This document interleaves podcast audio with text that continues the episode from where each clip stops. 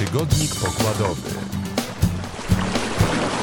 Żeglarskie podsumowanie tygodnia w mojakoja.pl Polacy triumfują w bojerach. Tomasz Zakrzewski zdobył pierwsze, Robert Graczyk trzecie, a Łukasz Zakrzewski czwarte miejsce w Mistrzostwach Europy w bojerach. Wszyscy trzej reprezentują mazurski klub żeglarski Mikołajki. Rywalizowali z ponad 80 innych zawodników. Jak mówi Tomasz Zakrzewski, żeglowali na bardzo małym akwenie w stosunku do rozwijanych prędkości. Kluczem do zwycięstwa była bardzo równa jazda.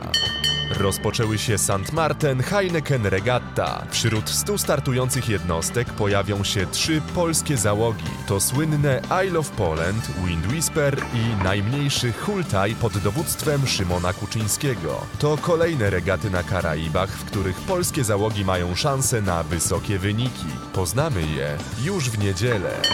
Kolejna przystań w Gdyni, tym razem na Babich Dołach. Celach szkoleniowych zbuduje ją Gdyńska Akademia Morska. Ta decyzja ma wzmocnić warunki szkoleniowe uczelni, w której na ten moment studiuje ponad 500 podchorążych. Kanclerz Akademii Marek Drygas tłumaczy, że pozwoli to uniezależnić się od zewnętrznych obiektów. Dodaje, że kompleks będzie otwarty także dla osób spoza Akademii. Prace budowlane mają zakończyć się w 2026 roku.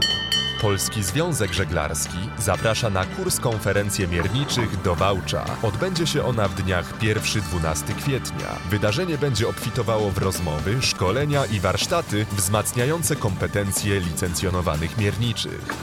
To był Tygodnik Pokładowy, czyli podsumowanie tygodnia w mojakoja.pl.